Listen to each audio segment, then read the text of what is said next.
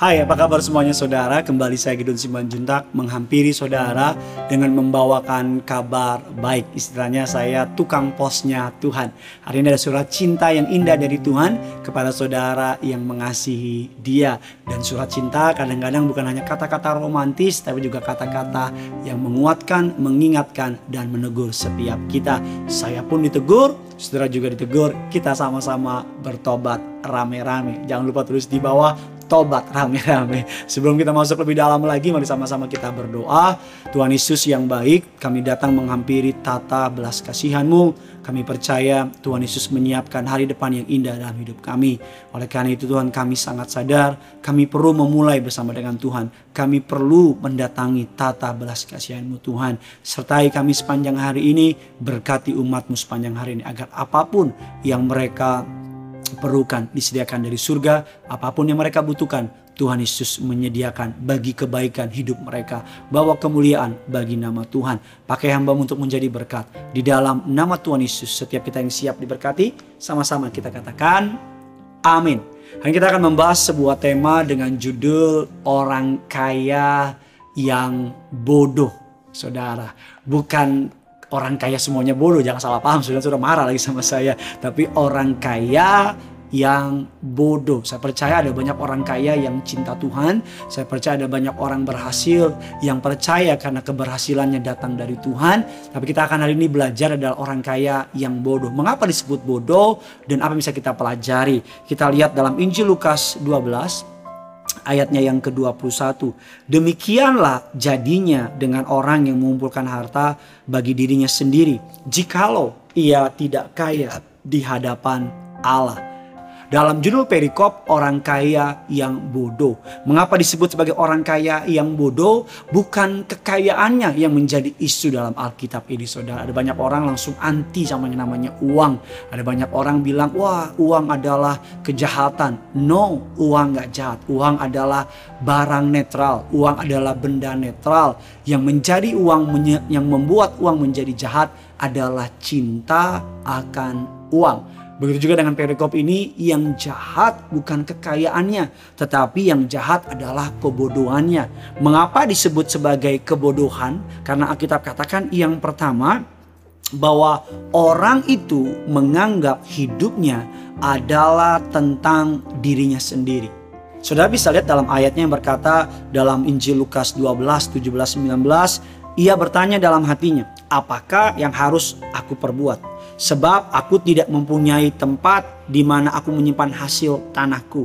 Lalu katanya, inilah yang aku perbuat. Aku akan merombak lumbung-lumbungku, aku akan mendirikan yang lebih besar, dan aku akan berkata kepada jiwaku, jiwaku ada padamu barang tertimbun untuk bertahun-tahun lamanya. Beristirahatlah, makanlah, minumlah, dan bersenang-senangnya. Dari apa yang dikatakannya kita dapat menyimpulkan filosofi dari orang kaya yang bodoh itu. Bahwa aku bekerja, aku menyimpan, aku memperkaya diri, lalu aku bersenang-senang. It's all about me. Semua tentang me, myself, and I. Tentang saya. Tahukah saudara, salah satu penyembahan tertua di dalam Alkitab adalah penyembahan keakuan. Tahukah saudara mengapa Allah melemparkan malaikat Lucifer menjadi yang namanya iblis? Karena dalam sebuah kitab Lucifer mengatakan aku hendak menyamai dia. Aku hendak menaruh aku. Pokoknya semua tentang aku. Hari ini ada banyak orang hidupnya tentang aku aja. Hidupnya tentang dirinya sendiri. Dia lupa bahwa hidup bukan sekedar tentang kita. Tapi hidup tentang bagaimana kita menjadi berkat. Dan melalui hidup kita nama Tuhan dipermuliakan. Mengapa disebut sebagai orang kaya yang bodoh? Karena yang pertama orang itu menganggap hidup adalah tentang dirinya sendiri. Yang kedua, mengapa disebut sebagai orang kaya yang bodoh? Karena dia menganggap kekayaannya itu adalah miliknya sendiri. Selain memandang hidupnya tentang dirinya sendiri, orang kaya yang bodoh itu menganggap atau mengira harta kekayaannya adalah miliknya.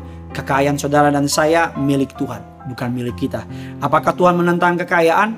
Enggak. Saudara bisa lihat dalam Alkitab ada baiknya kita memperhatikan struktur dalam Injil Lukas ini saudara. Dikatakan kamu sangat berharga dalam perumahan Yesus ini. Kamu sangat berharga menjadi kaya di hadapan Allah Janganlah kamu khawatir, Bapamu tahu kebutuhanmu, jadilah pengurus harta kekayaan Bapa yang baik dan yang setia.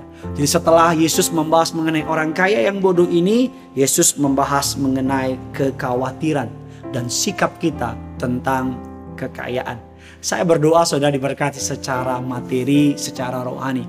Saya berdoa sebagai pengikut Yesus, Alkitab katakan dalam Yohanes 10 yang ke-10, Yesus bukan hanya datang, tapi dia datang untuk memberikan hidup, bukan sekedar hidup, tapi hidup yang penuh dengan kelimpahan. Saya berdoa agar saudara bukan hanya sekedar kaya secara materi, tapi kaya secara jiwani, kaya secara hati. Agar ketika engkau diberkati, engkau dapat menjadi berkat bagi orang-orang di sekitar saudara. Bagikan kabar baik ini kepada orang-orang di luar sana yang pernah atau yang sedang terikat dengan kekayaannya, yang fokus sama kekayaannya. Ada banyak orang berkata, hidup cuma sekali. Saya mau mengejar kekayaan sedemikian rupa. Tetapi ketika kaya, uangnya yang banyak itu dipakai untuk apa saudara? Perbaiki ginjalnya, perbaiki jantungnya, atau habis untuk rumah sakit atau bahkan mungkin dia tidak menikmati karena keburu mati dipanggil oleh Tuhan. Saya berdoa di dalam nama Tuhan Yesus agar diberkatilah engkau dalam ladangmu, dalam pekerjaanmu, dalam karirmu, dalam kehidupanmu. Dibuat apa pun yang tanganmu kerjakan menemui keberhasilan. Tapi lebih dari segalanya, hatimu dilindungi oleh Tuhan. Hatimu tidak terpaut kepada dunia dan kekayaan. Hatimu milik Kristus terpaut kepada Kristus agar dia menyondongkan hidupmu kepada Kristus. Di dalam nama Tuhan Yesus kami berdoa dan mengucap syukur.